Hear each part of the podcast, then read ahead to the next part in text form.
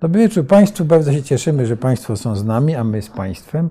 Jak zwykle Jerzy Marek Nowakarski, Stowarzyszenie Euroatlantyckie. I Piotr Szczepański, Fundacja Wspomagania Wsi i Wszechnica. Tak, a dzisiaj naszym gościem jest y, pan profesor Włodzimierz Mędrzecki Instytutu Historii Polskiej Akademii Nauk, w której jest kierownikiem Zakładu Historii Społecznej XIX i XX wieku. Tak? Dobry wieczór Państwu. Tak. I proszę Państwa, tak jak obiecywaliśmy tydzień temu, niecały, yy, zaprosiliśmy pana profesora, ponieważ pan profesor napisał książkę o II Rzeczpospolitej yy, pod tytułem yy, Odzyskany śmietnik. Ten, tak. Pokazywaliśmy tę książkę i proszę Państwa, dzisiaj chcielibyśmy jako sobie jako taki light y, motiv rzucić, czyli rzucić taki temat, prawda, czy historia II Rzeczpospolitej może być lekcją dla nas y, dzisiaj, tak? To, to, to, to co tam się działo. E, Parę tak, słów no. o tym, jakie miałeś wrażenia, może jak Tak, no ja, książkę. ja rekomendowałem tę książkę e, na naszym poprzednim spotkaniu. E, Bardzo się cieszę, że udało nam się pana profesora namówić na rozmowę, bo e, jest to książka niezwykła. Jest to, znaczy ja muszę powiedzieć, że e, mm, lektura książki profesora Mędrze- Mę- Mędrzeckiego, zresztą po, podobnie jak jego innych e, prac, e, szczególnie tych poświęconych e, Henrykowi Józefskiemu, czy relacjom polsko-ukraińskim, e, do których się w naszych debatach czasami odwoływaliśmy. E, Ale lektura tej książki jest ogromną przyjemnością, bo mamy do czynienia z czymś, co jest w polskiej debacie publicznej w ogóle rzadkością, w historiografii w zasadzie też. Czyli mamy do czynienia z esejem, opowieścią o czasach II Rzeczypospolitej, pisanych z taką ciepłą sympatią do tego, do, do epoki, do ludzi tej epoki. I, tak jak rozmawiałem z panem profesorem, ja muszę powiedzieć, że miałem bardzo podobne wrażenie bardzo, bardzo wiele lat temu, jak jeszcze na studiach e, przeczytałem e, takie eseje wspomnieniowe trochę e, Kajetana Morawskiego, zatytułowane Tamten brzeg. Jest to ta książka, gdzie jest ten słynny cytat o Piłsudskim, który e, niczym kresowy szlachcic chodził z lagą i poganiał. E, Polecam Państwu też zajrzenie do tej książki, przeczytanie dokładnie owego cytatu. E, Ale, ale właśnie też uderzyło mnie, zajmowałem się tym dwudziestoleciem międzywojennym, już wtedy uderzyło mnie to, że jest to książka pisana z życzliwością dla epoki, z próbą opisania mechanizmów, które działały, a nie, mówiąc językiem potocznym, przywalenia jednej lub drugiej lub trzeciej stronie ówczesnych konfliktów i sporów. I bardzo podobnie odczytuję tę książkę pana profesora. A e, muszę powiedzieć, że w tej książce jeszcze jedna rzecz mnie e, bardzo ujęła, mianowicie e, takie spojrzenie przez pryzmat rozwoju ekonomicznego, tych barier, które były, jak się wydaje, dla ówczesnych y, Polaków nieprzekraczalne. Do y, nie stawianie poprzeczki tam, gdzie nie mogliśmy jako państwo, społeczeństwo, naród jej przeskoczyć y, i próba zapisu uczciwego, co nam się udało i co nie, z już za chwilę oddam głos naszemu gościowi, ale próba zapisu, który jest w istocie opisem ogromnego sukcesu naszych przodków, pradziadków, dziadków, którzy żyli w II Rzeczpospolitej, sukcesu zbudowania właściwie prawie z niczego, tej może nie polskich szklanych domów, o których marzył Cezary Baryka u Żeromskiego, ale niewątpliwie, e, tak jak to zresztą jest cytowanym na, na wstępie fragmencie generała Barcza, e, e, porządnie urządzonego śmietnika. Ale, ale prawdę mówiąc, to, to rzeczywiście ja bardzo chciałem pana profesora zapytać o, o to, jak ta, to doświadczenie dwudziestolecia międzywojennego, ze świadomością, że historia nikogo niczego jeszcze nie nauczyła, e, ale e, jak powinniśmy to odczytywać? Widzę, Piotrze, Tak. że Panie profesorze, czy pan pozwoli, że ja jeszcze powiem swoją książce? E, trzy, trzy słowa. Ja też, ja potwierdzam, książkę się świetnie czyta i e, mnie, mi na przykład bardzo się podobało to e, wprowadzenie do niepodległości, gdzie pan opisuje, jak ważna, jak ważną rolę spełniła ta e, kultura, te, te wspólne kody kulturowe wśród elit wszystkich e, e, elit polskich, wszystkich trzech zaborów, że nagle e, i, i o tym zawsze trzeba e, chyba pamiętać, jak ważna jest kultura nawet dzisiaj, prawda? Że e, nagle ta Polska się e, wybuchła, była możliwość stworzenia i nagle ty, ta, e, te elity polskie z trzech zaborów, które e, no, no, bardzo różne miały warunki przecież, e, to było ile, dwa, trzy pokolenia, prawda, tych ludzi. Nagle oni dzięki tym wspólnym kulturom, kodom, kodom kulturowym i tej polskiej kulturze, którą, którą jak gdyby rozwijali w tych zaborach, nagle umieli się porozumieć co do, wiedzieli o co im chodzi.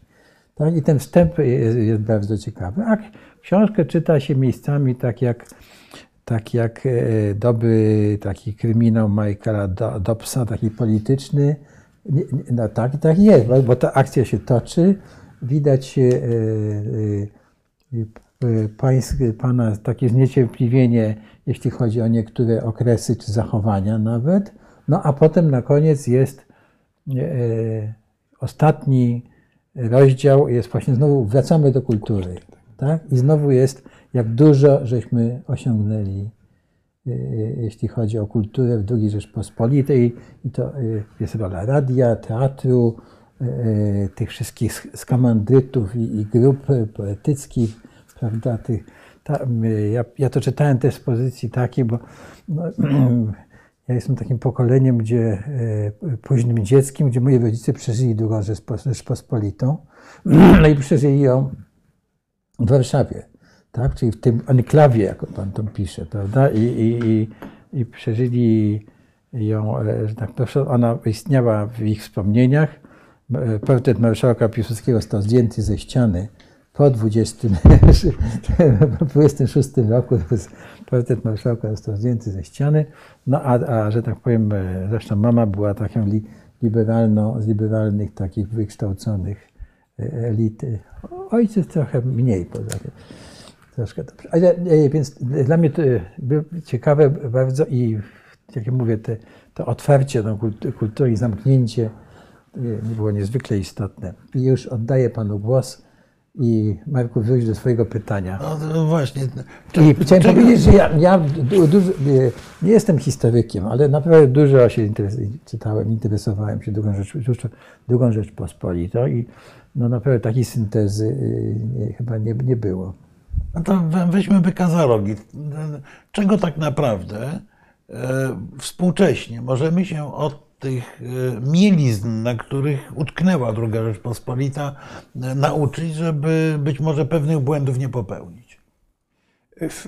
pozwolę sobie zacząć od buntu, to znaczy wygłosić też kilka słów o charakterze ogólnym, ponieważ panowie bardzo dobrze mówiąc o książce i y, podkreślając wiele rzeczy, na których mi zależało, a więc y, rozumiem, że książka jest napisana na tyle klarownie, że dają się odczytać y, te myśli, które chciałem y, y, przekazać czy poddać czytelnikowi pod rozwagę, bo y, jak słusznie stwierdzono, y, to ma charakter eseju, który jest zaproszeniem do y, przemyślenia samodzielnie y, II Rzeczpospolitej i y, y, weryfikacji dotychczasowych opinii, a nie formą wykładu podręcznikowego, który ma ukształtować, uzasadnić konkretne tezy i konkretne jakby moje przekonania co do tamtego y, okresu. Y, Książkę tę pisałem z fundamentalnym założeniem, które no, przy- przyświeca mojej pracy jako historyka od, mam nadzieję, od początku, że piszę o swoim kraju, a y, bohaterowie mojej opowieści, ludzie żyjący w II Rzeczpospolitej, y, to są y, ci sami ludzie, z których spotykamy na ulicy i z którymi realizujemy różne współczesne zadania, tyle że kilka pokoleń wcześniej. Y, W tym sensie oczywiście jest to książka o Polsce tak ówczesnej jak współczesnej, ponieważ jedną z lekcji, które wynoszę z badania okresu międzywojennego, jest to, że pewne nasze problemy są problemami, które nie zaczęły się w XVIII roku, ale wcześniej i nie są po dziś dzień rozwiązane, zamknięte, tylko cały czas z nimi musimy się borykać. Jednym z takich y, y, uniwersalnych, ponadczasowych problemów naszej historii jest problem chłopski, y, problem dziedzictwa pańszczyźnianego, problem przebudowy wsi, zwłaszcza chłopskiej, w ten sposób, aby stała się ona, ona integralną częścią nowoczesnego społeczeństwa polskiego. Takim samym problemem przed 1939 roku i współcześniej jest problem państwa, które budowaliśmy z mozołem i nie mając tak długich doświadczeń jak stare demokracje y, y, europejskie, cały XIX wiek wykorzystujące dla umacniania podstaw y, demokracji parlamentarnej. Tylko zaczynaliśmy w XVIII roku, szło to z bólami i również z bólami idzie to po no, katastrofalnej przerwie PRL-u po roku 1990. Ale pewien sposób myślenia o życiu publicznym, polityce y, był w okresie międzywojennym podobny do zachowań polskich ugrupowań politycznych y, i sił społecznych y, w dobie współczesnej. Tym samym jest to książka o nas. Ja na jedną rzecz chciałem zwrócić uwagę, bo pan profesor w pewnym momencie pisząc o polskiej gospodarce, stwierdza, że byliśmy w sytuacji fatalnej z powodu braku polskiego kapitału.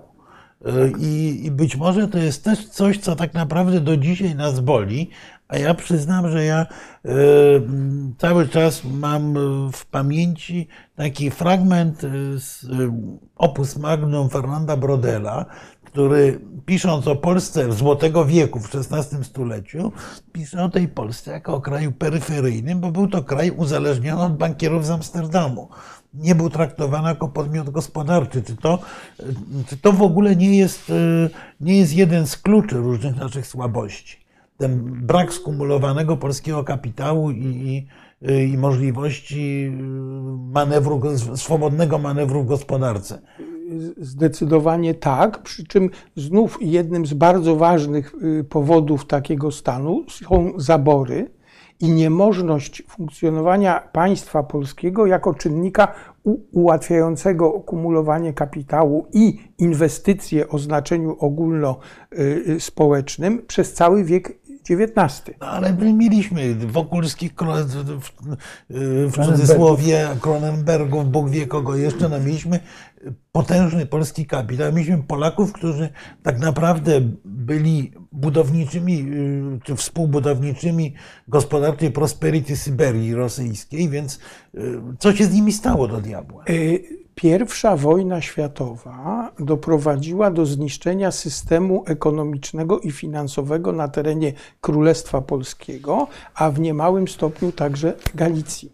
Jedno, jeden z takich głównych tematów dyskusji ekonomicznych pierwszych lat II Rzeczpospolitej to jest przypominanie, że o ile w 1913 roku polskie kapitały i sporo przedsiębiorstw polskich i banków prywatnych, ziemiańskich y, y, y, z kapitałem mieszanym funkcjonowało całkiem nieźle, to w 1918 roku po całkowitej katastrofie Rosji i rosyjskiego systemu finansowego, te pieniądze po prostu wyparowały. Nie było nawet tego. Nie, nawet Wokulscy stracili w I wojnie światowej swoje fortuny. W związku z tym od początku państwowa y, y, kasa y, PZPK, nie wiem jak to teraz rozwiązać, zaczęła drukować polskie marki, praktycznie rzecz biorąc bez pokrycia, bo naprawdę skarb był pusty. E, zgoda. No i dlaczego nie, znaczy czy nie potrafiliśmy, czy po prostu nie dało się włączyć mechanizmów ekonomicznych, które by pozwoliły na stworzenie polskiej warstwy właścicieli, bo tak naprawdę zbiedniałe ziemiaństwo, potwornie zbiedniałe, tak. Te, te, te pałace były naj, najczęściej miały trzy sale w dobrym stanie, a resztę zapuszczoną i nieogrzewaną dla oszczędności.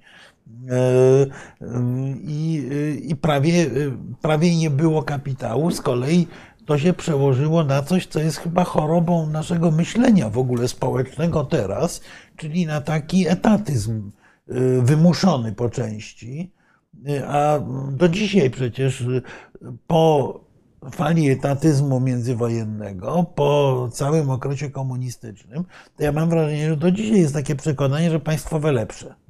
Y, y, W to y, wierzono po części dlatego, że polski ruch narodowy i polska inteligencja bardzo starała się przekonać nie w pełni oddanych idei niepodległości chłopów i robotników, że kiedy nastanie niepodległa, to uda się rozwiązać wszystkie problemy, które są udziałem ziem polskich, polskich właśnie biednych chłopów, y, robotników y, i mit szklanych domów to nie tylko Żeromski, ale on był y, powielany w różnych wariantach w szerokich środowiskach. Stąd y, w XVIII, XIX, a zwłaszcza XX roku po pokonaniu bolszewików, po prostu taka głęboka wiara, że damy radę i że znajdą się pieniądze na wszystko.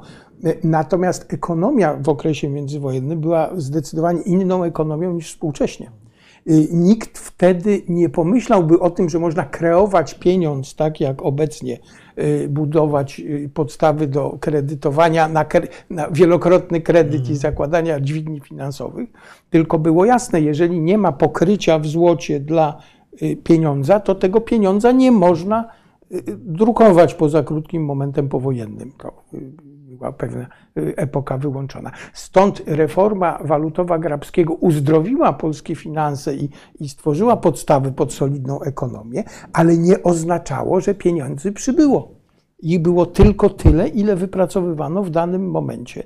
I y, kiedy nie przekroczymy tego progu, jesteśmy skazani na to, że każda złotówka na inwestycje musi być wypracowana przez to społeczeństwo. No właśnie, a tutaj pan Andrzej Tyrka w dwóch miejscach zauważa, że krytykuje bardzo etatyzm i powiada, że e, im więcej państwa gospodarce, tym gorzej dla gospodarki, co poniekąd, z czym ja się poniekąd zasadniczo zgadzam, tylko, e, tylko czy myśmy mieli inne wyjście w międzywojniu. Y, No właśnie, y, może nie być państwa w gospodarce, ale trzeba produkować amunicję, trzeba produkować mundury dla, y, dla wojska, nawet w sytuacji, kiedy państwo nie ma pieniędzy, żeby to zamówić na wolnym rynku. Musi to zrobić troszkę, no właśnie, siłą państwa administracyjną, etatyzmu, bo innego sposobu na to, na to nie ma. Dalej, koleje, które muszą połączyć cały jednoczący się organizm Nie, No, no, gospodarczy. koleje w ogóle musieliśmy odbudować właściwie od zera. To, to, to, to, jest, to, to, to jest swoją drogą też fascynujący temat. Tak. e, Że przecież nie było bezpośredniego połączenia między Warszawą a Poznaniem. momencie, No nie, no nie było między Warszawą a Krakowem. Trzeba było jechać, nie wiem, przez Lublin czy gdzieś tam już po prostu to. No ale to krótko, bo kolej warszawsko-wiedeńska łączyła Warszawę i Kraków już w 1848 roku, więc tu Ale- nie, aż tak źle nie było. Z Wielkopolską było, by- po- połączenia nie było, to prawda. Y, y, Państwo y, pełniło, jeśli chodzi o gospodarkę polską w okresie międzywojenną, rolę wcale niechcianą, ale, Ale nie ale po prostu przepraszam, że przerywam, na pewno nie chciano, bo nasi ulubieni Piłsudczycy chyba jednak y, zarówno środowisko, trochę środowisko Kwiatkowskiego, ale nie tylko, również Ozon, y, mam wrażenie, że myślał kategoriami etatystycznymi, no bo, no bo to Sowiety wtedy postrzegano w Europie jako ciekawy eksperyment. No, Niemcy Proszę, też. udaje się, tak? Więc, więc nie wiem, czy, czy, czy takie wymuszone to było. No, świetna stara książka Jana Kaufmana y, mówi coś innego.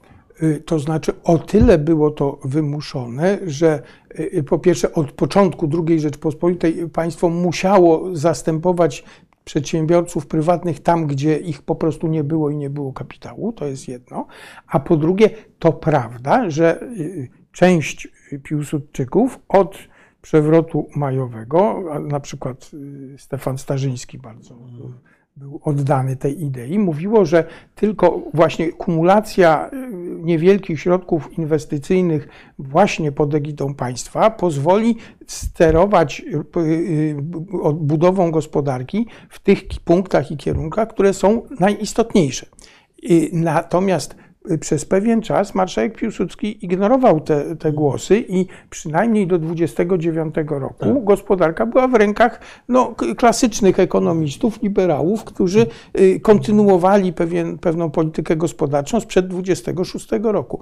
Y, Dopiero kryzys w istotny sposób zmienił myślenie także Piłsudskiego, ale i elit y, gospodarczych obozu rządzącego, w tym sensie, że uznano, iż kiedy państwo jest jedynym gwarantem w gruncie rzeczy stabilności finansowej y, i y, no, jakiej takiej, jakiej takich warunków życia wielkich grup społecznych, to państwo musi też mieć zwiększone kompetencje, zakres działania w, gospodarce.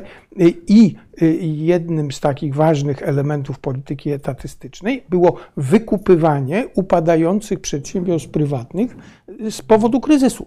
Po prostu państwo ratowało y, część na przykład zakładów przemysłu ciężkiego, y, stając się jednocześnie coraz bardziej poważnym graczem y, gospodarki. A od mniej więcej 1935 roku zaczęło świadomie y, kontynuować tą politykę, ponieważ przemysł ciężki był podstawą działań na rzecz rozwoju przemysłu obronnego. Stąd polityka wojsko i polityka obronna stała się ważnym czynnikiem wspierającym ten sposób myślenia o ekonomii.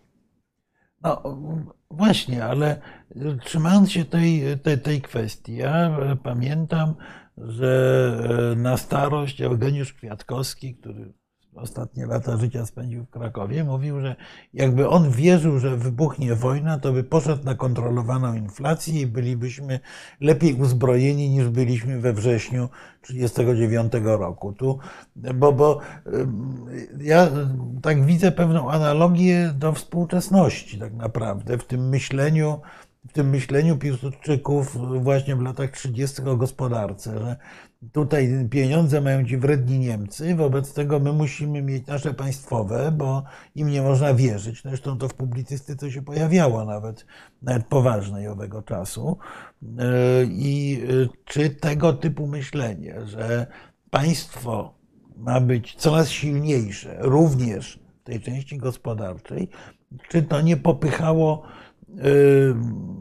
sanacji w kierunku, y, no właśnie takiego państwa już y, bardzo mocno autorytarnego, bo y, o czym pan profesor mówi, y, Piłsudski y, dbał o to, żeby pewnych granic autorytary, autorytaryzmu nie przekraczać, dopóki żył.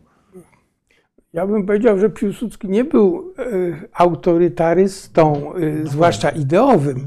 E, Był człowiekiem, który uważał, że e, wie lepiej od innych, jak być powinno, a jeżeli inni się z nim nie zgadzali, to potrafił e, bardzo gwałtownie jakby do, sprowadzać ich do, do porządku. Ale nie był to jakby świadomy pomysł na budowy budowie państwa, w której sygnały płyną od góry w dół i wszystko odbywa się wedle porządku właśnie autorytarnego.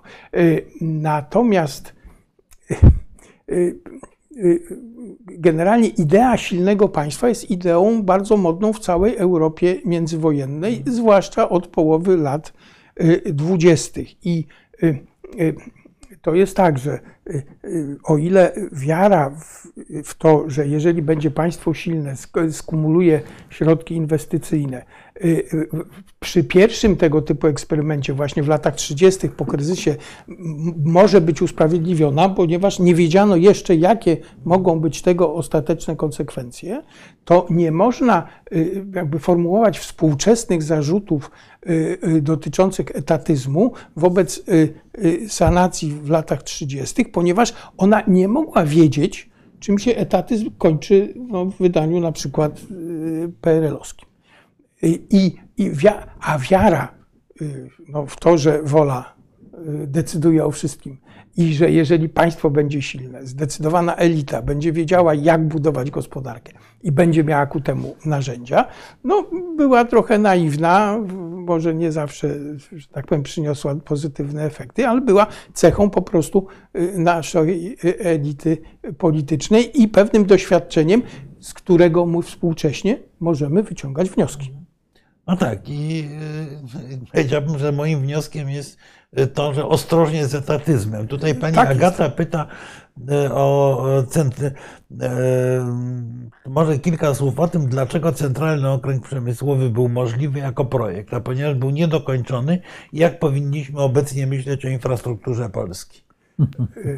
Znaczy, y, y, warto podkreślić, że idea Centralnego Okręgu Przemysłowego y, zaczyna się jeszcze w latach dwudziestych jako takiej y, ośrodka inwestycji wojskowych, właśnie pomyślany przez wojsko jako y, y, miejsce daleko oddalone od granic i zagrożeń w przypadku agresji y, czy ze wschodu, czy y, y, z zachodu i później była rozwijana przez Kwiatkowskiego.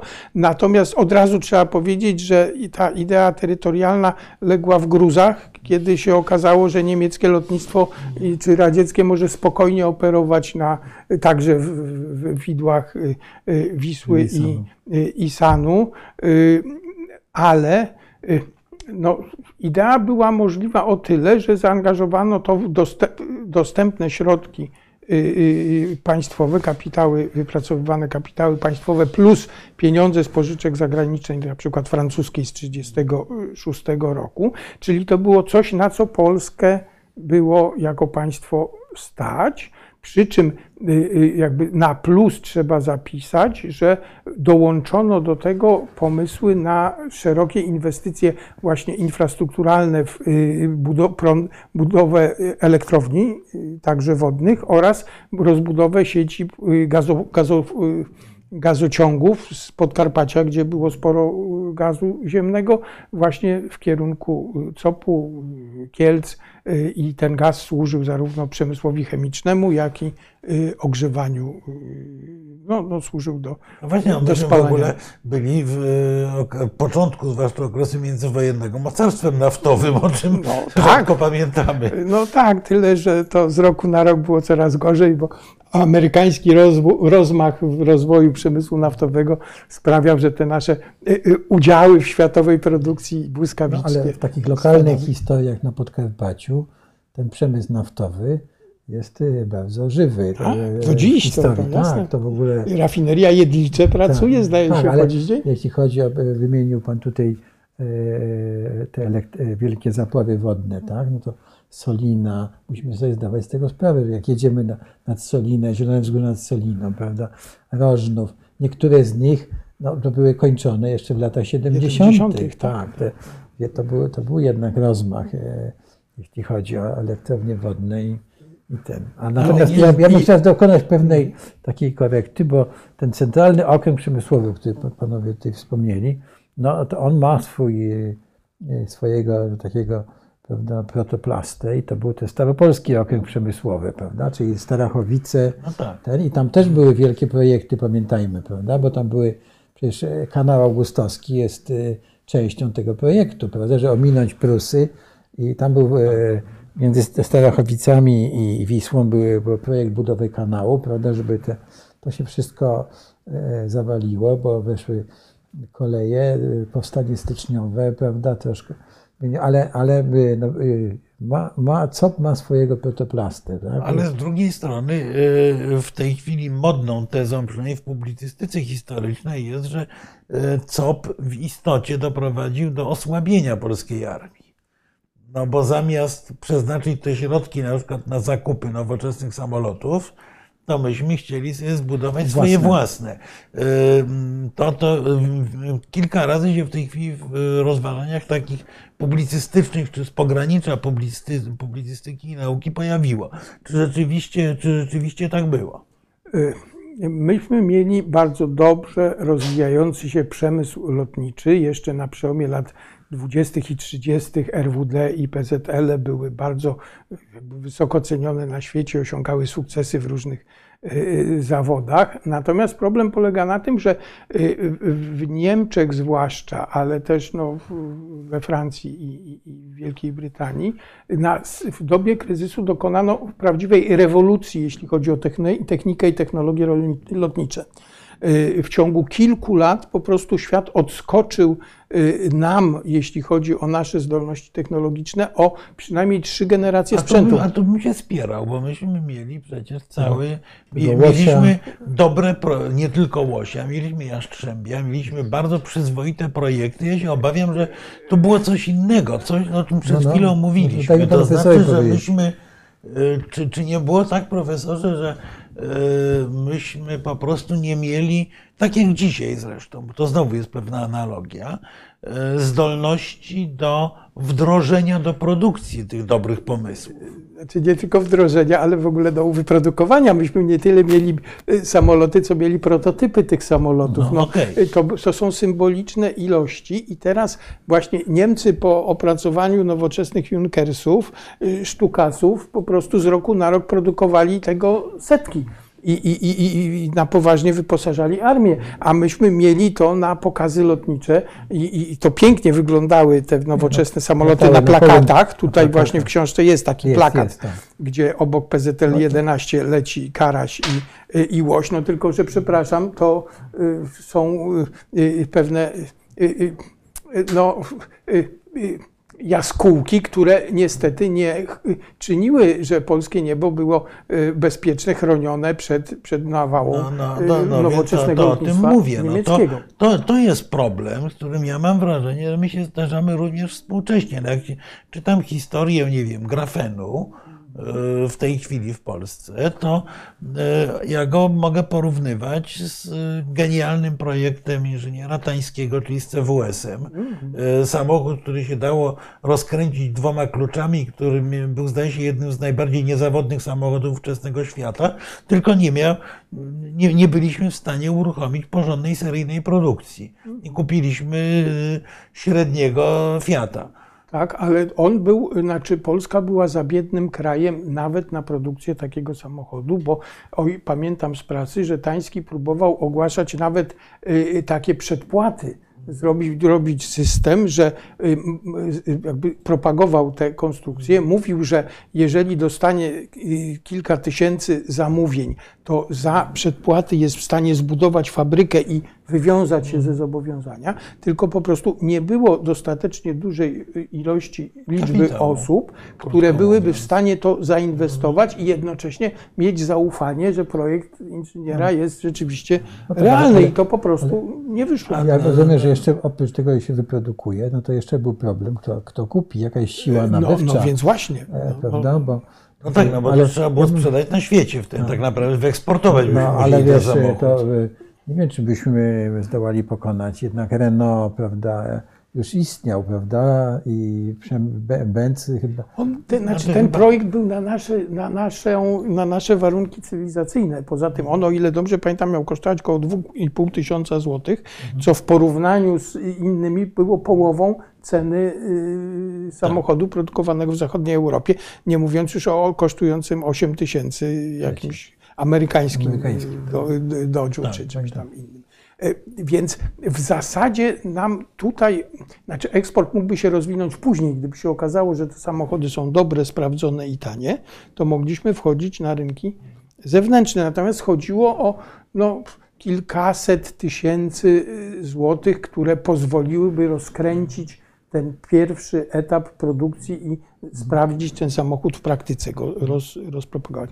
I na to nie było No właśnie, no czyli wracamy właściwie do tego starego dylematu jeszcze z czasów Brodela, czyli braku kapitału. Tak, i w dodatku, ponieważ Polska nie miała zbyt dobrej prasy na arenie międzynarodowej, także jako gospodarka, No, no to... nie byliśmy w stanie znaleźć y, dogodnych pożyczek inwestycyjnych, które pozwoliłyby y, no właśnie na kredyt, ale taki przyzwoity kredyt, y, rozpocząć, dać takie pchnięcie gospodarcze, które uruchomiłoby y, taki samoczynny rozwój ekonomiczny całego kraju. No właśnie, bo y, jeszcze y, zresztą tutaj Państwo no, za- zauważali te, zauważali te przypadki. No, mieliśmy bardzo dobry projekt lekkiego czołgu, bardzo dobre projekty broni. Y, No, nawet nasz ten PZL P24 no, był cały czas konkurencyjny na rynku europejskim, tylko myśmy go- sprzedawali, a nie, a nie, a nie y, zaopatrywali własnej armii. no ale mówiłeś o braku kapitału, to wiesz, No więc Trzeba nie, było- no ale no właśnie ratować, tak naprawdę chyba, bo zmierzam do pytania, czy panie profesorze nie jest tak, że, że największym problemem, który w gruncie rzeczy odpowiada na większość tych trudnych pytań o drugą Rzeczpospolitą, nie była po prostu polska bieda. Y, y, Znaczy generalnie tak, ponieważ y, poziom życia przeciętnej rodziny II Rzeczpospolitej był w stosunku do naszych współczesnych standardów w ogóle niewyobrażalnie niski. Przytłaczająca większość ludzi mieszkała w mieszkaniach jedno, maksymalnie dwuizbowych. Y, y, To dotyczyło 70% w ogóle ludności Polski, nie tylko chłopów, ale i w miastach. Y, Standardem rodziny robotniczej, nawet 6-7 osobowej, jest jedna izba, ewentualnie z aneksem, z aneksem kuchennym. Pieniądze, głównym jakby przedmiotem troski przeciętnego Polaka było utrzymanie się z miesiąca na miesiąc i zebranie y, jakiejś sumy, żeby uzupełnić odzież buty, przed, nie? odzież przed, y, przed zimą i wyskrobać pieniądze, pieniądze na kształcenie y, y, dziecka bądź na wypadek, y, na wypadek choroby. Y, I my mamy do czynienia z takim, takim bardzo ciekawym zjawiskiem y, głodowej konsumpcji, to znaczy ogromnych wyrzeczeń dla y, ku- kupna czegoś, co jest przedmiotem aktualnych marzeń, na przykład roweru, y, na przykład modnej, modnego elementu garderoby przez, y, prze, przez dziewczyny, y, y, y, zegarka, y, garnituru przez y, kawalerów, ale to wszystko oznaczało, że właściwie y, wyrzeczenia, y, także y, co dotyczące codziennych potrzeb, były stałym elementem naszej y, rzeczywistości. I w tej sytuacji zebranie większego kapitału na prawdziwie duże inwestycje było ogromnym problemem.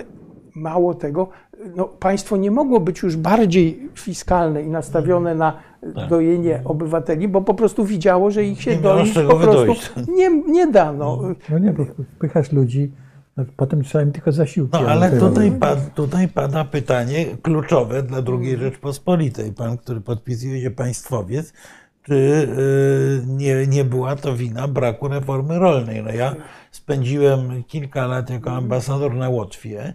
Łotysze w, y, po 1918 roku przeprowadzili brutalną reformę rolną, taką właśnie dokładnie wed- według takich standardów jak w PRL-u. Y, no I tak. stworzyli potężne, nowoczesne rolnictwo, gdzie nasi chłopi jeździli tam na saksy. Y, To prawda, to znaczy to była dużo lepsza reforma niż w PRL-u, ponieważ przyjęła założenie, że podstawowym y, gospodarstwem jest duże Ja gospodarstwo, o powiedzielibyśmy, o- o farm- jeśli chodzi o, o, o własność, większą, wielką własność ziemską, oczywiście, ale oczywiście tam wielka własność ziemska była własnością niemiecką bądź tak. rosyjską, Tak. więc realizacja... polską. y, No bądź No, polską. Y, Na, polską przede wszystkim na Litwie, ale y, tej, No tej nie, w Latgalii no to też, trochę też. było, Ale oczywiście. tylko, w, Tak, ale- w Kurlandii też. Tak, Ale więc rozumiem, że w takim razie w Polsce, ponieważ to była e, polscy ziemianie, tak, że po, po, e, e, mieli swoją reprezentację polityczną, nie, nie było taka, tak brutalna w cudzysłowie reforma, jak, jak mówię, nie była możliwa. Ale to, nie, to, to jest czy tak? dopiero początek. To No znaczy, właśnie. to jest prawda, natomiast y, y, y, w 18 roku w, byłym zaborze austriackim i w byłym zaborze rosyjskim większość ziemi ornej znajdującej się w rękach chłopskich była jeszcze uprawiana w zagony. To znaczy taka górka dół, górka dół, górka dół. To bardzo było dobre, bo jak było bardzo mokro, no to wtedy woda stała nisko, a, a na górze ziemniaki nie tak. gniły. To było piękne, ale oznaczało, że połowa ziemi była pod wodą, bo tylko na szczytach tych y, górek y, coś y, rosło. Natomiast niemal 90% ziemi w większej własności ziemskiej objęte była orką płaską i płodozmianem. W efekcie efektywność gospodarki wielkoobszarowej była znacznie większa. Po drugie, jeżeli armia, jeżeli pułk wojska potrzebował zboża, to nie mógł go zamawiać w tysiącu gospodarstw chłopskich, z których każdy przywiózł dwa worki tego, co mu y, y, zbywało, tylko zamawiał w majątku tysiąc hektarowym i tam dowolną ilość y, owsa na paszę dla koni po prostu dostawał w dobrej jakości w konkretnym terminie. Y, y, Gospodarka wielkoobszarowa jest integralnym, niezbędnym elementem każdego systemu przyzwoitego rolnictwa. To po pierwsze. Y, Po drugie, zapas ziemi ornej w II Rzeczpospolitej, przy założeniu, że zachowujemy ten sam poziom, sposób uprawy ziemi przez chłopów, niczego nie załatwiał bo dodanie średnio półtora hektara do istniejącego gospodarstwa rolnego tylko na kilka lat odraczało te same problemy, z którymi chłopi borykali się y, w, w początkach II Rzeczpospolitej. Y, Reforma rolna była niezbędna jako pewien symboliczny akt sprawiedliwości społecznej, jako dowód, że II Rzeczpospolita y, ujmuje się za tymi, którzy przed rozbiorami, w dobie rozbiorów no, pozostawali w systemie poddańczo-pańszczyźnianym i byli rzeczywiście biedni. Natomiast fundamentalnym warunkiem poprawy sytuacji rolnictwa i, i gospodarki y, chłopskiej była jej rzetelna modernizacja, a więc rezygnacja z, z trójpolówki, czyli ugorów, y, melioracja pozwalająca y, naprawdę dobrze y, ziemię i nawozić i uprawiać, zastosowanie nawozów sztucznych, wprowadzenie kwalifikowanego ziarna siewnego, nowoczesnych ras hodowlanych i organizacja sprawnego systemu skupu i eksportu produktów rolnych. To wszystko wymagało likwidacji analfabetyzmu i edukacji y, chłopów, a następnie zorganizował, czy pomocy z organizacji chłopów jako rzeszy drobnych producentów w sieci pozwalające stanu, stać się realną siłą ekonomiczną. Jakby policzyć bagatelka, ile to kosztuje, znów stajemy praktycznie przed niemożliwym. No okej, a, a propos analfabetyzmu, to w pewnym momencie padło pytanie, chyba, chyba nieprawdziwa teza, że analfabetyzm w Polsce y, w roku 1938 był większy niż w 18. Chyba Wtórny, jednak- to znaczy tam Wtórny, było słowo wtórny i absolutnie się z tym nie zgadzam. To Y, wydaje mi się, że to jest akurat, to jest akurat osiągnięcie. To jest ogromne osiągnięcie, przy czym y, y, y, y, jednym z fundamentów tego osiągnięcia jest równoległy do rozwoju systemu oświaty rozwój y, czegoś, co możemy określić jako nowoczesna kultura masowa. To znaczy, mamy w dwudziestoleciu masowe nakłady takiego podstawowego kanonu literatury, y, zarówno no, najwyższego sortu, jak i tak zwanej literatury dla kucharek, ale to też jest tekst, który się czyta. Y. Mamy do czynienia no, z, z masowym rozwojem radia, y, kina y, i generalnie rzecz biorąc, y, słowo pisane, polskie słowo pisane w II Rzeczpospolitej y, y, staje się y, no, w powszechnym użytku trafia także, także na wsi. strzechy, tak. tak. W związku z tym dzieci, y, które kończą szkołę powszechną, wykorzystują umiejętność czytania i pisania w różnych sytuacjach. No, no, no, także w wojsku. W związku z tym akurat y, wtórny analfabetyzm w II Rzeczpospolitej, jeżeli gdzieś się pojawiał, to na Polesiu, gdzie dzieci polskie chodziły kilka lat do szkoły, nauczyły się czytać i pisać po polsku, a potem siedziały sobie na Polesiu, łowiły rybę, zbierały y, jagody i nie używały słowa. No tak, no, no, no po- powiedzmy, że bardzo często było to, że tak naprawdę byli w stanie przeczytać wyłącznie książeczkę do nabożeństwa, już bardziej z, z pamięci niż z To czytania. prawda, a na Polesiu była ona prawosławna, więc tak. Ja bym chciał jeszcze zapytać i wrócić do tego, o czym mówił Marek, który po- powiedział, y, że prawdopodobnie lepiej byłoby kupować uzbrojenie dla armii polskiej, niż je próbować produkować, że to byłaby ta armia w lepszym stanie. No ale chciałbym właśnie pana poprosić o, o to, y, y, o coś, co było oczkiem głowy marszałka, czyli o armię. W jakim ona była stanie?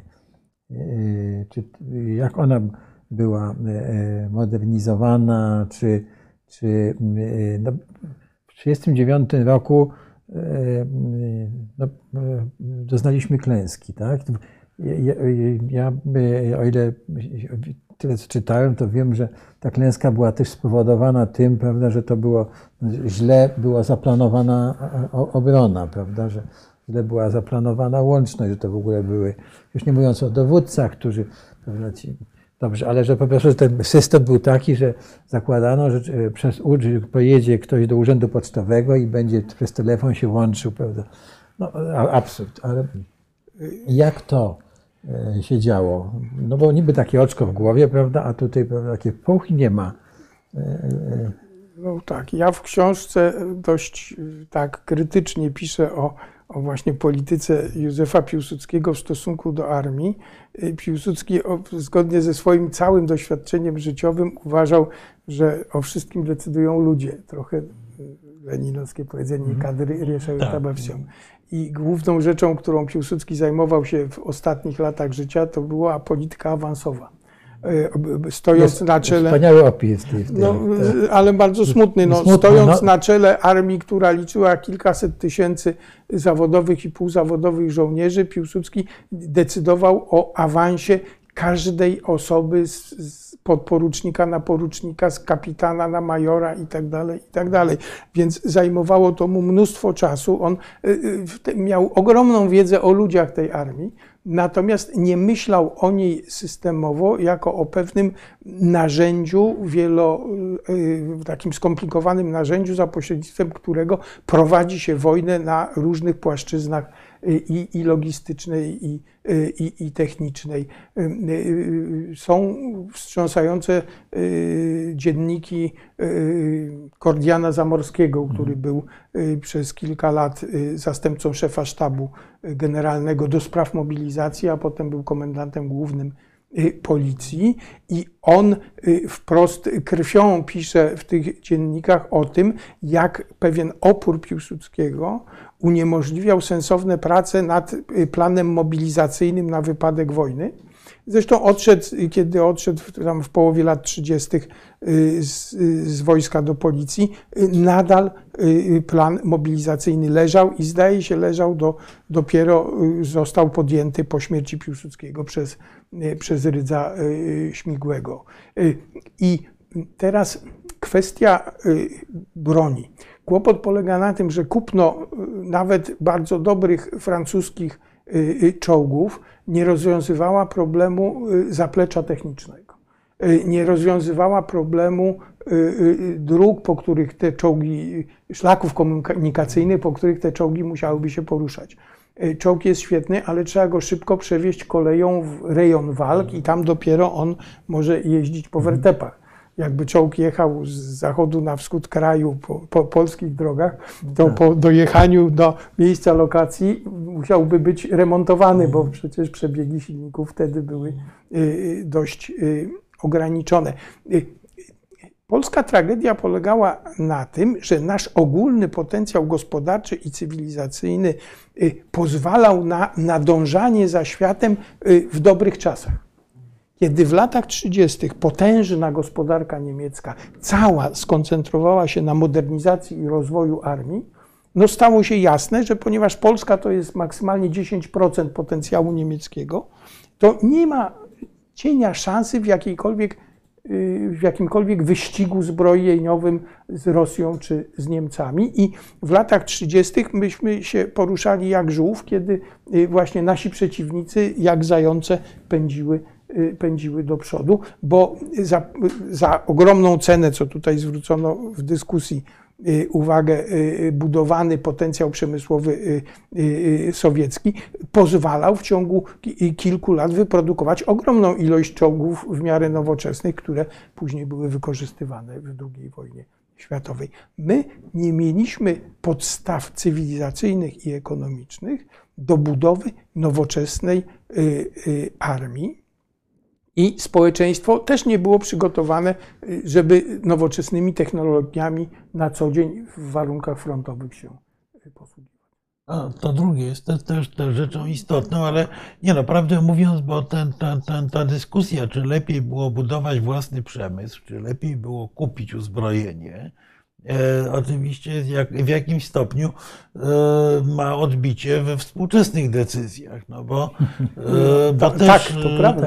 te, te, też w naszej debacie, znaczy ja, ja muszę powiedzieć, że ja e, rzeczywiście widzę taki cień debat II Rzeczpospolitej, jak ja słucham o tym, jakim to mamy, jesteśmy mocarstwem, to e, szalenie mi to przypomina, e, szalenie mi to przypomina całą propagandę e, piłsudczykowską okresu międzywojennego, przy czym paradoksalnie zdaje się, że papiery na mocarstwo mieliśmy wtedy lepsze niż teraz. Tak, to jest prawda i było pytanie, czego my się możemy uczyć studiując dzieje II Rzeczpospolitej. Właśnie tego, żeby nie popełniać błędów, które już raz popełniliśmy, bo nie jest problemem Jasne. pomyłka, tylko problemem jest tkwienie w tym błędzie. I tutaj, e, Marku, wspomniałeś, ale e, nie rozwinąłeś tego. E, Jest jeszcze jeden aspekt. Znaczy cały aspekt przygotowania społeczeństwa do wojny, czyli coś, co u nas znowu prawda, a obrona cywilna, prawda? Czy, Ale to z kolei, Ale nie, bo to z kolei było dobrze. No właśnie, czy było dobrze, zaraz zapytamy pana profesora, ale e, dzisiaj to wisi w powietrzu, tak? bo nie mamy w zasadzie ustawy. No, każdy wójt, który się znajdzie, w, powiedzmy, nie daj Panie Boże, no, prawda, w w stanie wojny jego gmina, to on e, nie ma żadnych podstaw prawnych do tego, żeby działać, nawet nie wie, jak działać. Tak? Prawda? Bo była jakaś ta stara ustawa o obronie cywilnej, nagle ona No przestała i tutaj, o ile nie było planu mobilizacyjnego, to ja mam wrażenie, że takie pewne przygotowanie obronne społeczeństwa było lepsze niż teraz. Y, No to, to- prawda. to pytajmy pana profesora. To prawda. Znaczy ja Znaczy formułuję bardzo poważny zarzut i piszę go żółcią i krwią, Właśnie. że państwo polskie nie było przygotowane do wojny. Nie tylko w sensie, czy, nie, znaczy armię zostawmy, ale chodzi o to, że y, nie były przygotowane do wojny struktury państwa i ludzie państwa nie mieli rozpisanych scenariuszy, na przykład na to, co robić, kiedy zbliża się i wchodzi y, armia okupacyjna.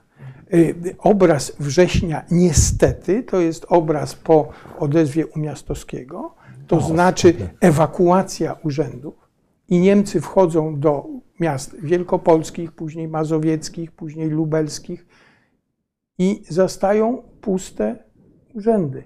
I, i, i państwo abdykuje z wykonywania swoich funkcji w momencie kryzysu. Tymczasem, y, jak gdyby fundamentalnym obowiązkiem władz było przygotowanie się na przykład na scenariusz, że wchodzą Niemcy i zastają funkcjonujący aparat państwowy, który oczywiście podporządkowuje się niemieckim władzy okupacyjnej, no ale jest. I nie powstaje pustka, która wypełniona jest wyłącznie przez władze samorządowe. Y, Warszawa funkcjonuje, bo w Warszawie jest prezydent, magistrat, to wszystko działa.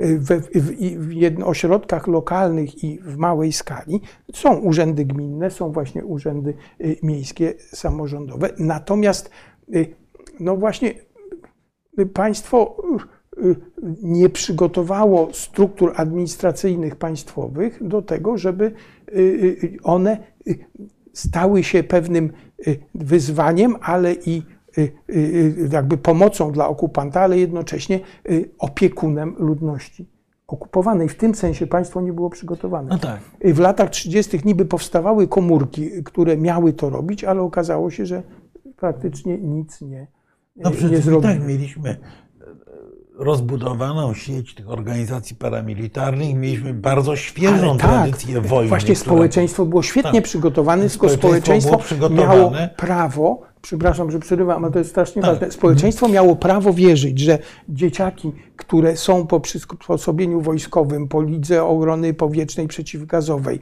y, które wiedzą, co robić, jak y, jest wróg i, i, i wchodzi y, okupacja do miasta, one miały prawo wierzyć, że mają zaplecze w postaci starszego pokolenia, które tak samo siedzi w urzędach, w instytucjach państwowych, które są także przygotowane na ciężkie czasy. Tymczasem właśnie społeczeństwo wierzyło, że jest y, y, jakby s- zanim, zanim stoi państwo gotowe na najcięższą próbę, a okazało się, że nie. Że, że, że, że oni. No bo tej, tej, według tych, w ogóle tej próby miało nie być, tak? Według tej propagandy.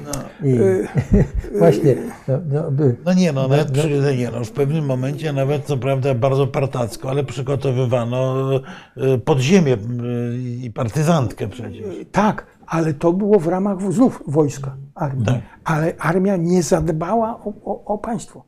Od, od, od, w latach 30., zwłaszcza od, od połowy lat 30., wojskowi panoszyli się wszędzie. Tak. Nie było żadnej Nie, no, decyzji państwowej, w której nie, nie brali udział y, wojskowi, ale oni nie czuli się odpowiedzialni za właśnie tą cywilną część, cywilną część państwa. Zmieńmy w takim razie troszkę temat i wróćmy do tej polityki narodowościowej. Bo e, e, czytając Pana książkę, sobie e, uświadomiłem, że my, Marku, w naszych dyskusjach tutaj mówiliśmy tylko o Ukraińcach. Tymczasem Pan profesor pisze O Białorusinach, o Białorusinach tak. prawda, że Że Zepsuliśmy, co się dało zepsuć. zepsuliśmy, co się dało. Więc y, może coś na ten temat. Czy można było zrobić, nie wiem, lepiej, czy. No bo bardzo ładnie pan profesor opisuje, i to jest y, taki, bardzo polecam nawet ten fragment książki, jak miała wyglądać Polska Piłsudskiego i Polska Dmowskiego. Jest, jest taki rozdział. Prawda? No i w tej Polsce Dmowskiego prawda, jest o tej polityce narodowościowej w duchu e, e, prawda, Leona Wasilewskiego, czy w duchu e, e, wojewody Józefskiego, prawda? A potem się coś nagle psuje, prawda?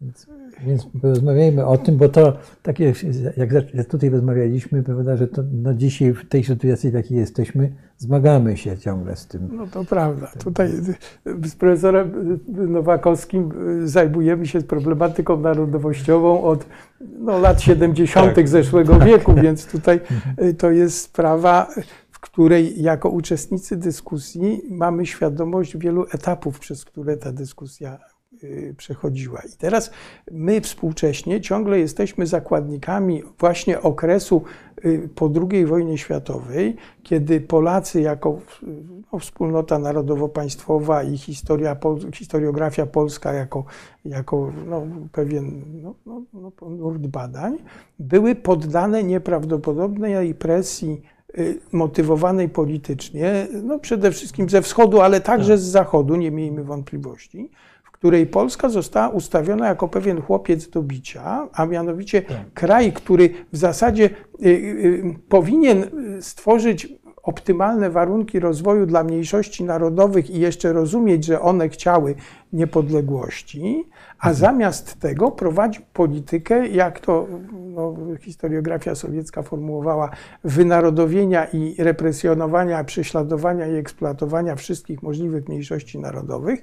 Jeszcze do tego byliśmy y, narodem, który antysemityzm wysysał z mlekiem matki. I od kiedy pamiętam, zacząłem się zajmować historią właśnie w latach 70., to wszyscy, zaczynając od Andrzeja Micewskiego, y, zajmowali się jak gdyby obroną przeciwko tym temu, y, tej, tej, tej presji, tej, tej, tej, tej takiej narracji y, bardzo, bardzo Polsce nieprzyjaznej i raczej byliśmy w defensywie, starając się tłumaczyć, że nie byliśmy aż tak źli, jak nas osądzano.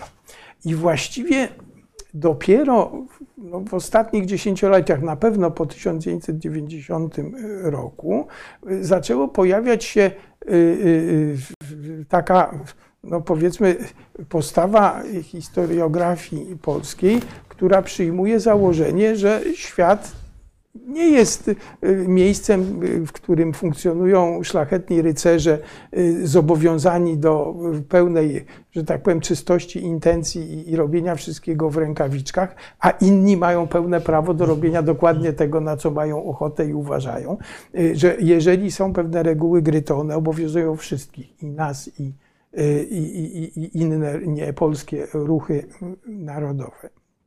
I dopiero w tym kontekście, jeśli chodzi o mniejszości, trzeba wyjść z takiego punktu widzenia, że jeżeli Polacy przez 123 lata walczyli o budowę, odzyskanie niepodległości i budowę polskiego, czyli własnego państwa, to w momencie, kiedy to państwo odzyskali, to absolutnie naturalną, naturalny mechanizm psychologiczny mówi o tym, że Polska ma być państwem polskim, a nie państwem, którego głównym zadaniem jest budowanie optymalnych warunków dla y, mniejszości narodowych. No ale, ale to była dyskusja już nawet przy, jeszcze przed odzyskaniem niepodległości, czy Polska to jest tradycja Rzeczypospolitej, czy Polska, jak chciał Dmowski, to jest państwo przede wszystkim narodowe. Narodowe. I ten spór y, właściwie przez, całą, przez całe dwudziestolecie wisiał nad nami. Nie, nie, nie. On moim zdaniem, to jest moje zdanie jako dyskutanta, został rozstrzygnięty na rzecz Polski Narodowej. Zresztą uzasadniam to w, jeszcze będącym w kiosku pomocniku historycznym polityki dla II Rzeczpospolitej, gdzie jakby moim fundamentalnym y, y, założeniem, stwierdzeniem jest to, że Polska y, międzywojenna była Rzeczpospolitą Polską, a nie Rzeczpospolitą wielu narodów. I myśmy po to odzyskali, nie po to odzyskali państwo, żeby się nim dzielić, tylko po to, żeby wreszcie jakby czuć się w swoim własnym kraju i niestety, to można powiedzieć niestety, y, wszyscy y, mniejszości narodowe musiały to y, odczuć w tym sensie, że gotowi byliśmy im, z nimi współpracować i różne rzeczy, na różne rzeczy się zgadzać, pod fundamentalnym warunkiem, że one przyjmą założenie, iż to Polacy są gospodarzem w, w, w państwie polskim, Rzeczpospolitej Polskiej. A znaczy, tego założenia. Wrażenie, że Piłsudski tego tak nie postrzegał. On, on, znaczy on w ogóle, mam wrażenie, że o problemie narodowym on myślał w kategoriach raczej takich XIX-wiecznych, nie, nie, nie czując siły nowoczesnych nacjonalizmów. Y, Y, po części tak, ale przypomnę, że w 1926 roku po przewrocie majowym y, minister spraw wewnętrznych Młodzianowski opracował właśnie zgodne z takim ortodoksyjnie rozumianym programem państwowym wytyczne polityki narodowościowej rządu. Te wytyczne były omawiane z udziałem Piłsudskiego i tam Piłsudski bardzo zdecydowanie opowiedział się za obowiązkiem nauczania języka polskiego we wszystkich szkołach i był dość niechętny nauczania y, w tych szkołach państwowych języków innych niż polski, stwierdzając, że y, co jak co, ale język polski musi być fundamentem polskiej wspólnoty politycznej, niezależnie od narodowości no, no, uczniów. Y, I teraz dla ukraińskiego ruchu narodowego takie postawienie sprawy wcale nie było lepsze niż endeckie takie forsowne propagowanie języka polskiego wszędzie. I wytyczne Młodzianowskiego nie weszły. Jakby właśnie taki ambiwalentny stosunek do tego dokumentu Piłsudskiego sprawił, że one zostały zawieszone i że w gruncie rzeczy myśmy realizowali po 26 roku politykę następującą, to znaczy idziemy na koncesję i się bardzo chętnie dogadujemy, ale przy bezwzględnym założeniu poszanowania polskich interesów państwowych i narodowych przez Ukraińców, Żydów czy, czy Litwinów. Znaczy nie ma pan wrażenia, panie profesorze, że, myśl, że jednym z powodów pewnej porażki polityki narodowościowej, chyba, chyba w odniesieniu do Ukraińców było niemożliwe w ogóle dojście do porozumienia tak naprawdę w II Rzeczpospolitej, bo z kolei ze strony ukraińskiej no było bardzo mocne dążenie redentystyczne i koniec. E, więc podejrzewam, że tutaj żadne koncesje by nic nie dały tak naprawdę. Ale, e, ale czy nie ma pan wrażenia, panie profesorze, że jedną, jednym z powodów słabości, pewnej porażki na tym polu, jakie w moim odczuciu jednak ponieśliśmy, to było to, że ta polityka była taką sinusoidą. E, Raz je- jechaliśmy w kierunku od dania pewnych praw mniejszościowych, kulturalnych, językowych i tak. Potem pojawiał się ktoś inny, kto dokręcał śrubę, potem znowu ją odpuszczano. Znaczy, do czego zmierzam? Y, y, Mam wrażenie, że mam wrażenie, że brak konsekwentnej polityki, którejkolwiek, był y, najgorszym możliwym rozwiązaniem. I że myśmy to najgorsze możliwe rozwiązanie w, w gruncie rzeczy wprowadzili w życie. Znaczy, ja się o tyle nie zgodzę, y, znaczy zgodzę się z fundamentalnym założeniem, że problem narodowościowy był nierozwiązywalny. Że nie było sposobu znalezienia pogodzenia ukraińskich czy litewskich y, dążeń niepodległościowych i y, polskiej racji stanu. Natomiast to, co Pan bardzo trafnie opisał, jest moim zdaniem odzwierciedleniem takiej polityki nie tyle na, sta- nastawionej na rozwiązanie konfliktu, co na zarządzanie konfliktem. Y, Jest y, obok y, takich doktrynalnych założeń, ukraiński ruch narodowy był także ruchem pragmatycznym. Y, y, UNDO, największa partia ukraińska, potrzebowała pieniędzy dla spółdzielczości ukraińskiej. Wiedziała, że państwo ma wiele możliwości polityki represyjnej wobec y, kół oświatowych, organizacji społecznych, sportowych itd., itd. I wiedziała, że w ograniczonym zakresie współpraca z państwem polskim się opłaca. W związku z tym też, jeżeli mogła odpuścić, to odpuszczała, szła na kompromisy, porozumiewała się y, w ograniczonym zakresie, na przykład na terenie województwa y, wołyńskiego y, szczególnie, a, a kiedy na przykład nadchodził kryzys polityczny i trzeba było się zmobilizować, no to było zaostrzenie kursu, ale y, y, to gdyby nie wybuch II wojny światowej, to mogłoby tak trwać, no troszkę jak, jak, jak relacje y, irlandzko-brytyjskie w Irlandii Północnej. No Znaczy tak. raz gorzej, raz lepiej, ale nie groziło to wysadzeniem fundamentów państwa. Natomiast e, coś, te, o co ja prawdę mówiąc chciałem pana profesora już dużo wcześniej zapytać. Coś nad tym, nad czym ja się zastanawiam, e, mianowicie e, na ile eksperyment wołyński Józefskiego, czy w ogóle cała polityka Józefskiego na Wołyniu, na ile ma ona związek z tym, co zdarzyło się na Wołyniu w okresie II wojny światowej? Uff, to jest pytanie, które jakby jest, sam sobie stawiam i jest mi stawiane od czasów, kiedy się zajmuję Wołyniem, czyli znów od lat 80. Tak. y, y, XX wieku i odpowiem na to tak. Jest wiele rodzin, w których istnieje ostry konflikt między mężem i żoną. Jest wiele przypadków, kiedy jedno, a bądź druga strona zachowuje się okropnie i w sposób nieusprawiedliwiony ale nie daje to żadnej ze stron prawa do użycia noża jako poszukiwania sprawiedliwej odpłaty za wyrządzone, poniesione krzywdy. W tym sensie y, to, że możemy wytknąć wiele błędów w polskiej polityce y, na ziemiach wschodnich i możemy ją oskarżyć o to, że doprowadzała do jątrzenia pewnych y, istniejących realnych konfliktów, nie jest żadnym usprawiedliwieniem czy wytłumaczeniem y, y, y, czystki etnicznej czy antypolskiej akcji, jaką ja UPA rozpoczęła na ja Wołyniu. myślę o czymś innym. Ja myślę o tym, czy to, że e, w dużym stopniu dzięki polityce Józefskiego społeczność ukraińska na Wołyniu była nieźle zorganizowana. Że e, miała przez długi czas możliwość pewnej ekspresji dosyć daleko idących własnych wizji em, przyszłości, czy to nie, nie sprawiło, że była, że struktura ukraińskiego, ukraińskiej społeczności była na tyle mocna, że łatwiej przyszło się zorganizować do tego, żeby tych Polaków usunąć, zwłaszcza, że zresztą pan profesor w innej ze swoich książek y, opisuje bardzo precyzyjnie, Józefski poniósł klęskę, no bo, bo, bo trafił na kryzys gospodarczy.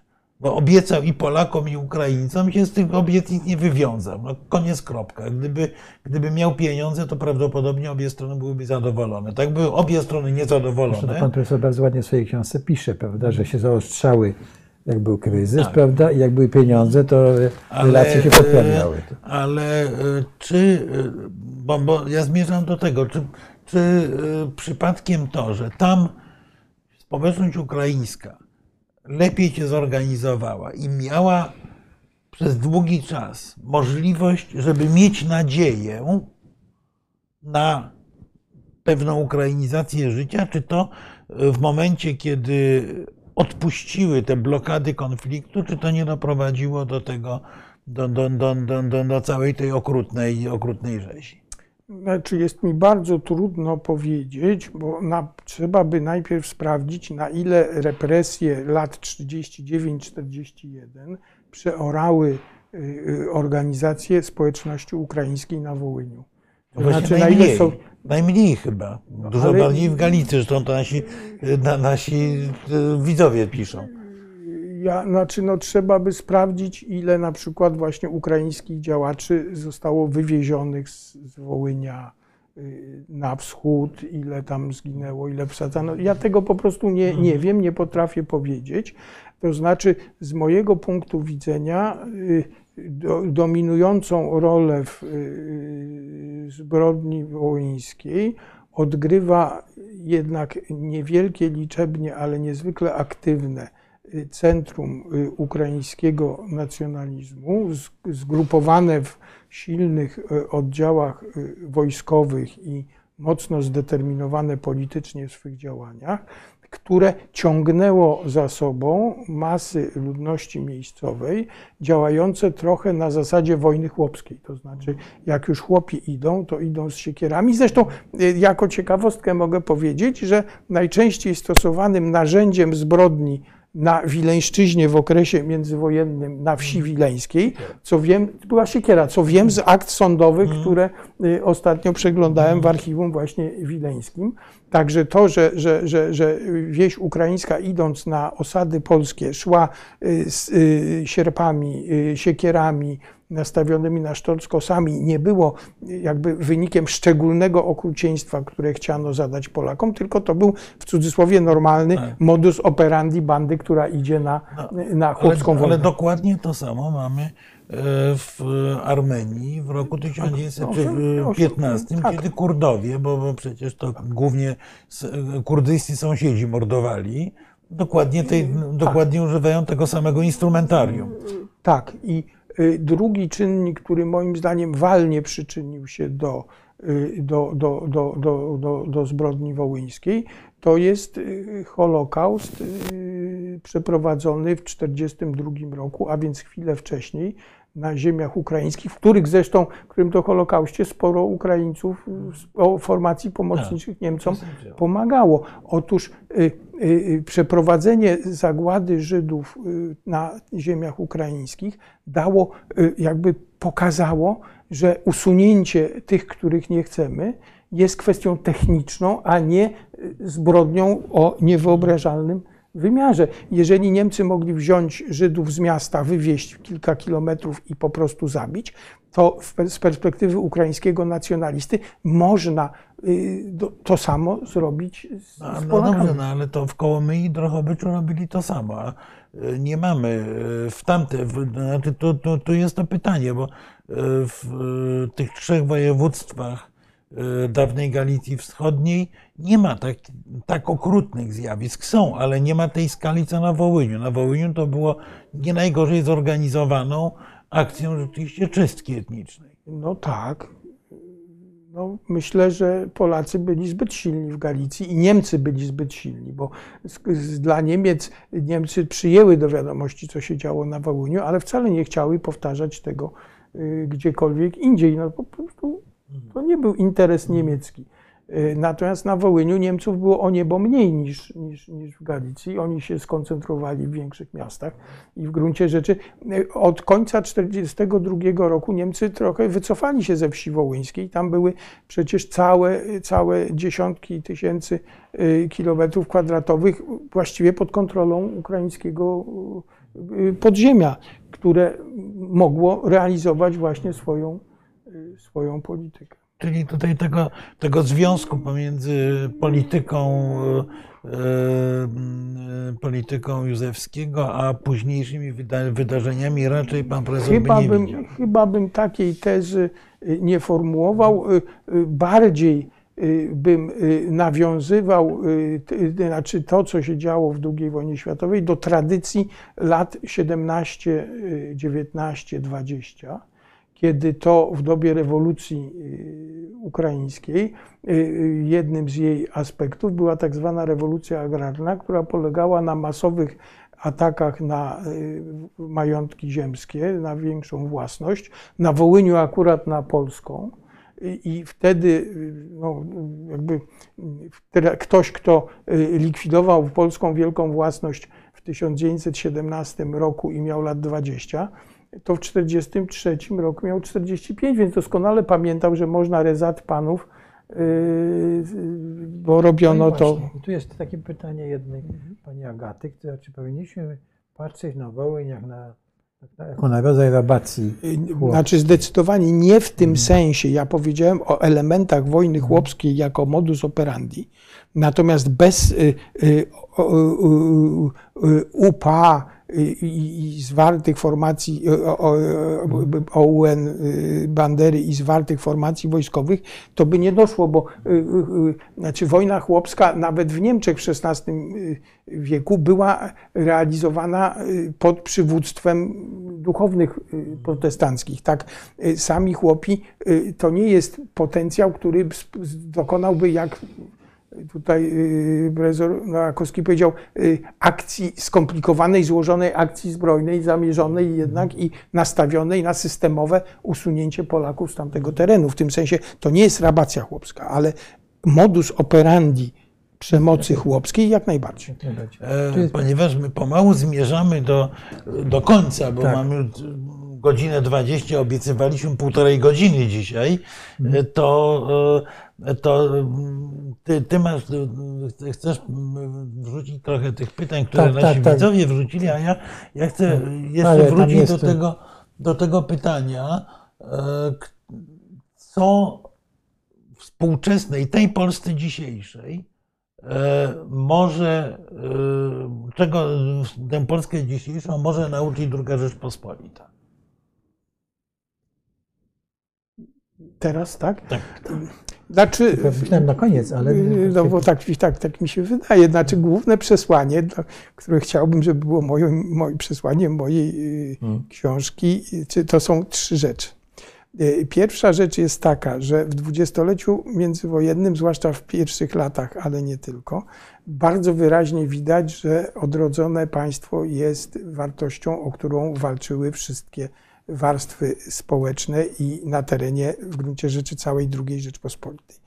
Zwróćmy uwagę, że Warszawa y, przejmuje władzę i jest Piłsudski, ale równolegle Lwów broni się sam, w Wilnie powstaje samoobrona, Poznań organizuje się sam, Kraków i Galicja organizują się same.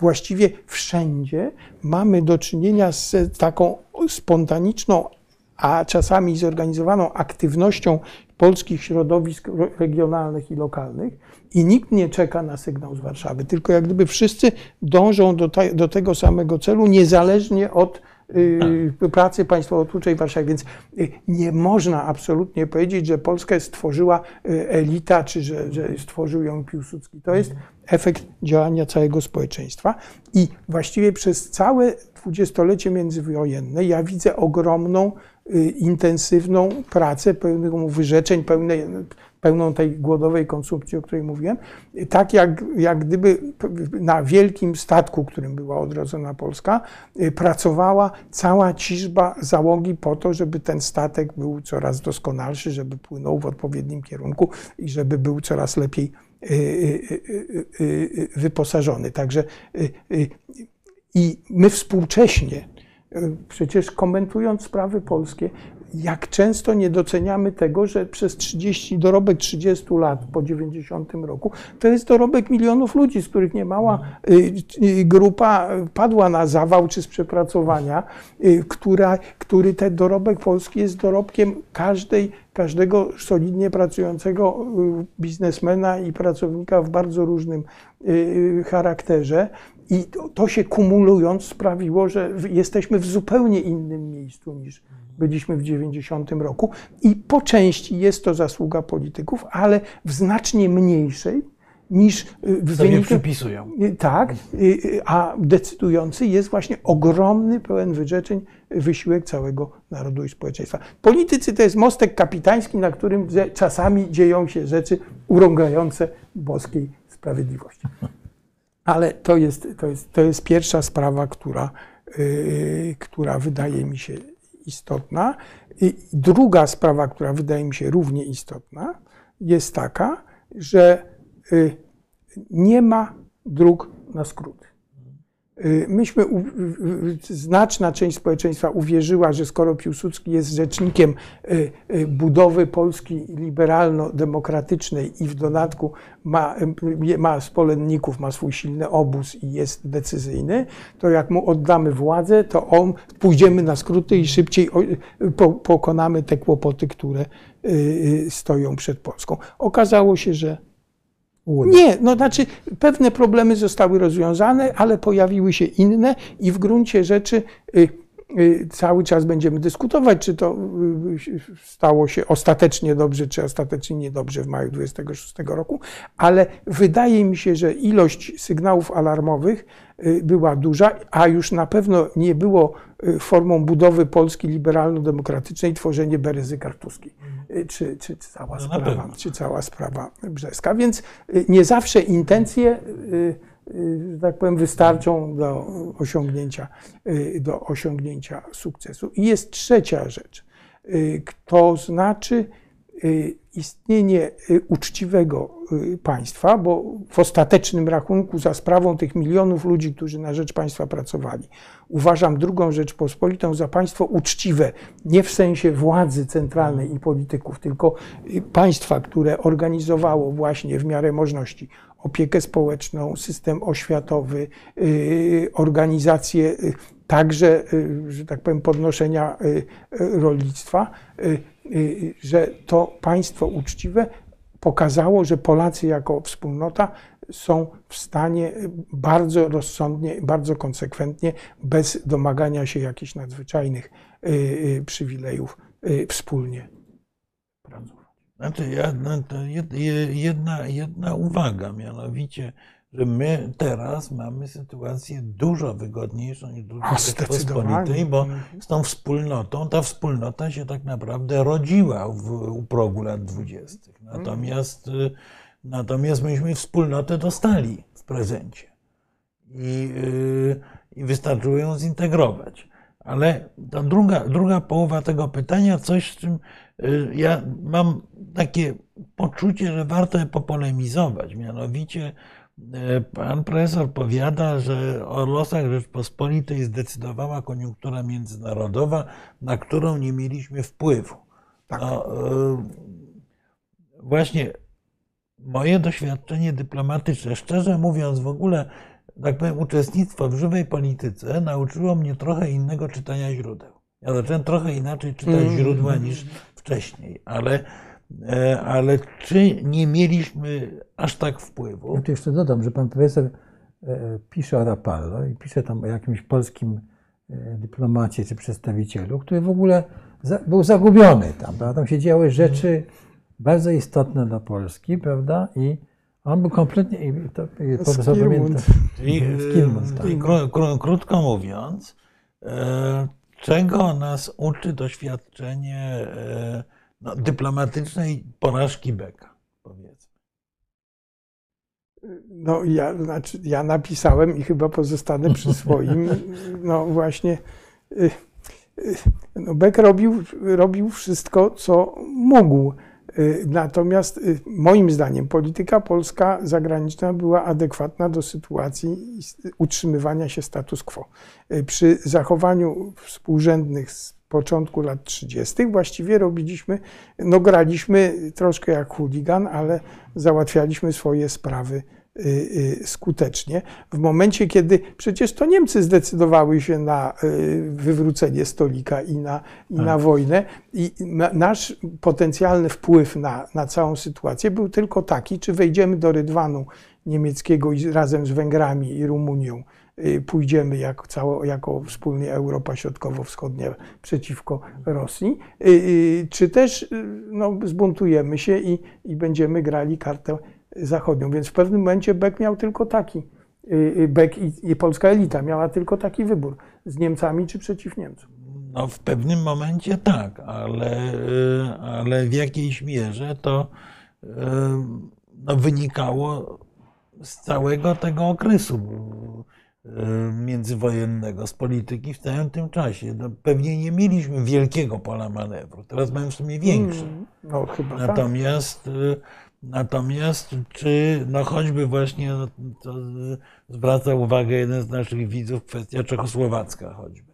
Czy tu nie mieliśmy jednak y, możliwości nieco, nieco, in, nieco innej gry? Y, No, kwestię czechosłowacką trzeba by też oglądać od strony Czechosłowacji. Ja mam wrażenie, że rywalizacja polsko-czechosłowacjaka była y, rywalizacją y, taką, no powiedzmy, strukturalną o to, jak, jak tutaj te kraje będą postrzegane przez przede wszystkim Francję i Wielką Brytanię. Bo to wpisywało na możliwość realizacji interesów narodowo-państwowych i Czech, i, i, i Polski. W związku z tym, jakbyśmy się my porozumieli ze sobą, y, to no, nie bardzo sobie to wyobrażam. W ogóle y, i to nie tylko z powodów, nie tylko z powodów y, Polski, bo przypominam, że. Czechosłowacja bardzo długo grała kartą ukraińską o Tak. bardzo antypolskim Mhm.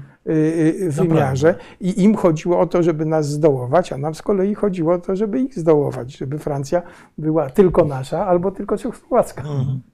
No to prawda. E, Ale e, tak, na, tak naprawdę to, to ja myślę, że e, ledwie zaczęliśmy tą debatę o, Tak. Polityce O, zagranicznej. Tak. Tutaj, y, jeśli, jeśli można, bo te trzy punkty, które pan profesor nam tu e, powiedział, czy wygłosił, bardzo są ciekawe jako lekcja, tak, to jeszcze spróbujmy je powtórzyć, prawda, że wszyscy pracujemy na, e, tak, nie ma drogi na skróty do drugi, tak, więc nie da się przyspieszyć. E, W książce jest wspaniała e, opis, e, jak był e, Władysław Grabski e, traktowany, prawda? A, a jednak e, no, on zrobił te e, podstawy przemiany gospodarczych, z których potem e, on był poniżany i tak dalej, prawda? Ale, ale e, on i pada tam zdanie, prawda, e, porównanie do Balcerowicza e, w książce, no pada, no. No, to, nie, no pana, bo to troszeczkę tak I, wyglądało. Tak, no i, i trzecie, prawda, e, trzecia, No, uczciwość, Uczciwość, państwa, tak, tak, tak. które właśnie nie za sprawą elity władzy, ale szeroko rozumianej elity państwowej, budowało, rzetelnie budowało wspólnotę y, wszystkich y, obywateli. Y, Próbowało włączać w to także y, przedstawicieli y, mniejszości narodowych, ale no, to akurat z nie wychodziło. powodze- Z powodzeniem. miernym powodzeniem, ponieważ no, y, polska inteligencja pracowała w paradygmacie, że rozwijamy państwo polskie, kulturę Tak. polską i wszystkich integrujemy wokół kultury polskiej. Dlatego z pełnym y, przekonaniem uczono y, młodzież, y, dzieci i młodzież żydowską w szkołach po polsku i, i, i, i coraz więcej właśnie Żydów w Polsce nie potrafiło już mówić w idisz, ponieważ bardzo często on, no, idisz był uważany za żargon i raczej starano się go nie używać.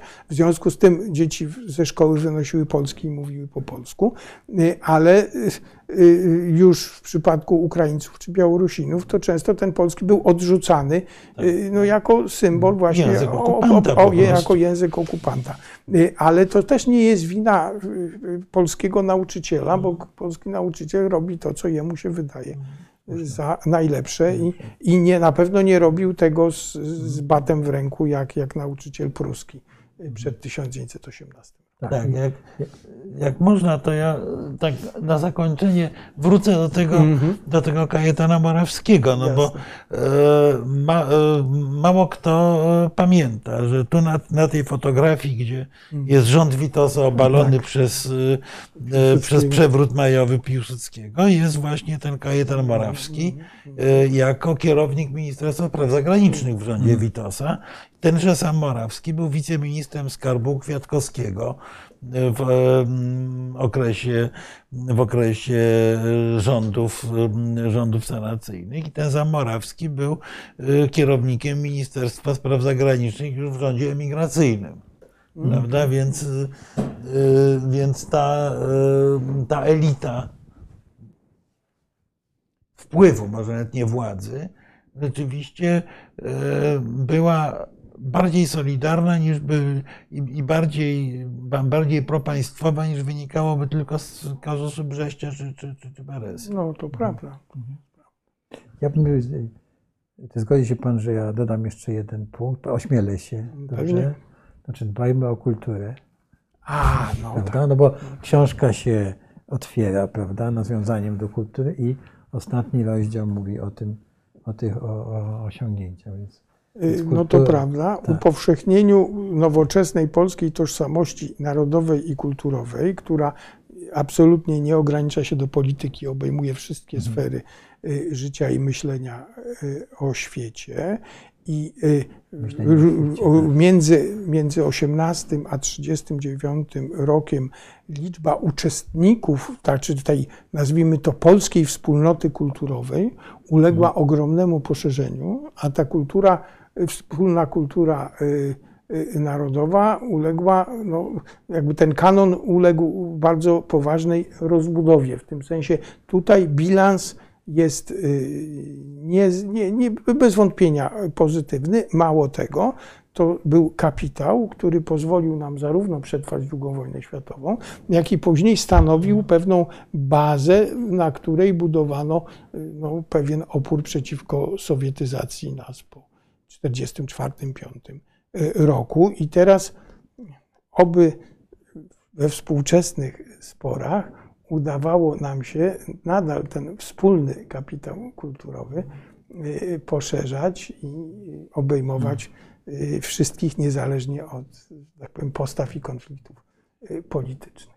Ja mi się wydaje, że to jest e, Świetna puenta. Świetna puenta, tak. E, Ja Zgadzamy. chciałem bardzo podziękować panu profesorowi, no i pewnie, e, i pewnie, e, jeżeli państwo będą zainteresowani, to za parę tygodni byśmy może zaprosili pana profesora na dalszy ciąg, bo pytań było Dużo, więcej niż tak. odpowiedzi z naszej strony. No tak. tak. Ja też się Ja- przyłączam ja- do. Tak, przyłączam ja, do, przepraszam. A ja bardzo chciałem podziękować i za zaproszenie, i za y, nies- niespodziewane zainteresowanie wyrażone wypowiedziami Państwa w internecie i z przyjemnością y, zaproszenie przyjmę. Świetnie. Dziękujemy Bardzo bardzo. Państwu dziękujemy.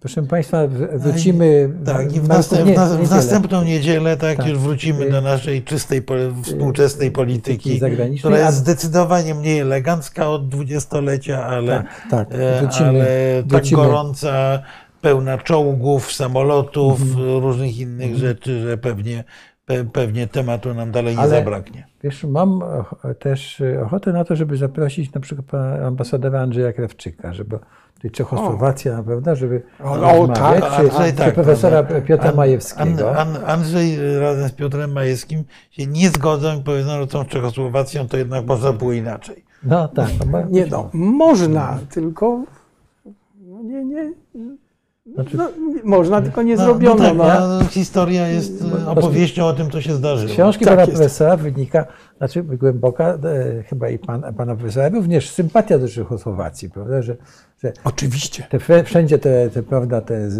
e, autorytaryzmy, a to jest jedyny kraj, który zachował e, ten, tę demokrację. Ta No, demokracja no, też no była dobrze, lekko ale- kulawa z tym hradem. Tak jest, tak uśredniona dalej, z piątką, która ustalała, że tak powiem, ale gabinetach. niemniej, tym niemniej no, wyróżniała się. To znaczy, ja myślę, że nasza, tak już e, puentując, nasza demokracja międzywojenna do 1935 roku co najmniej była mniej kulawa niż nam się wydaje.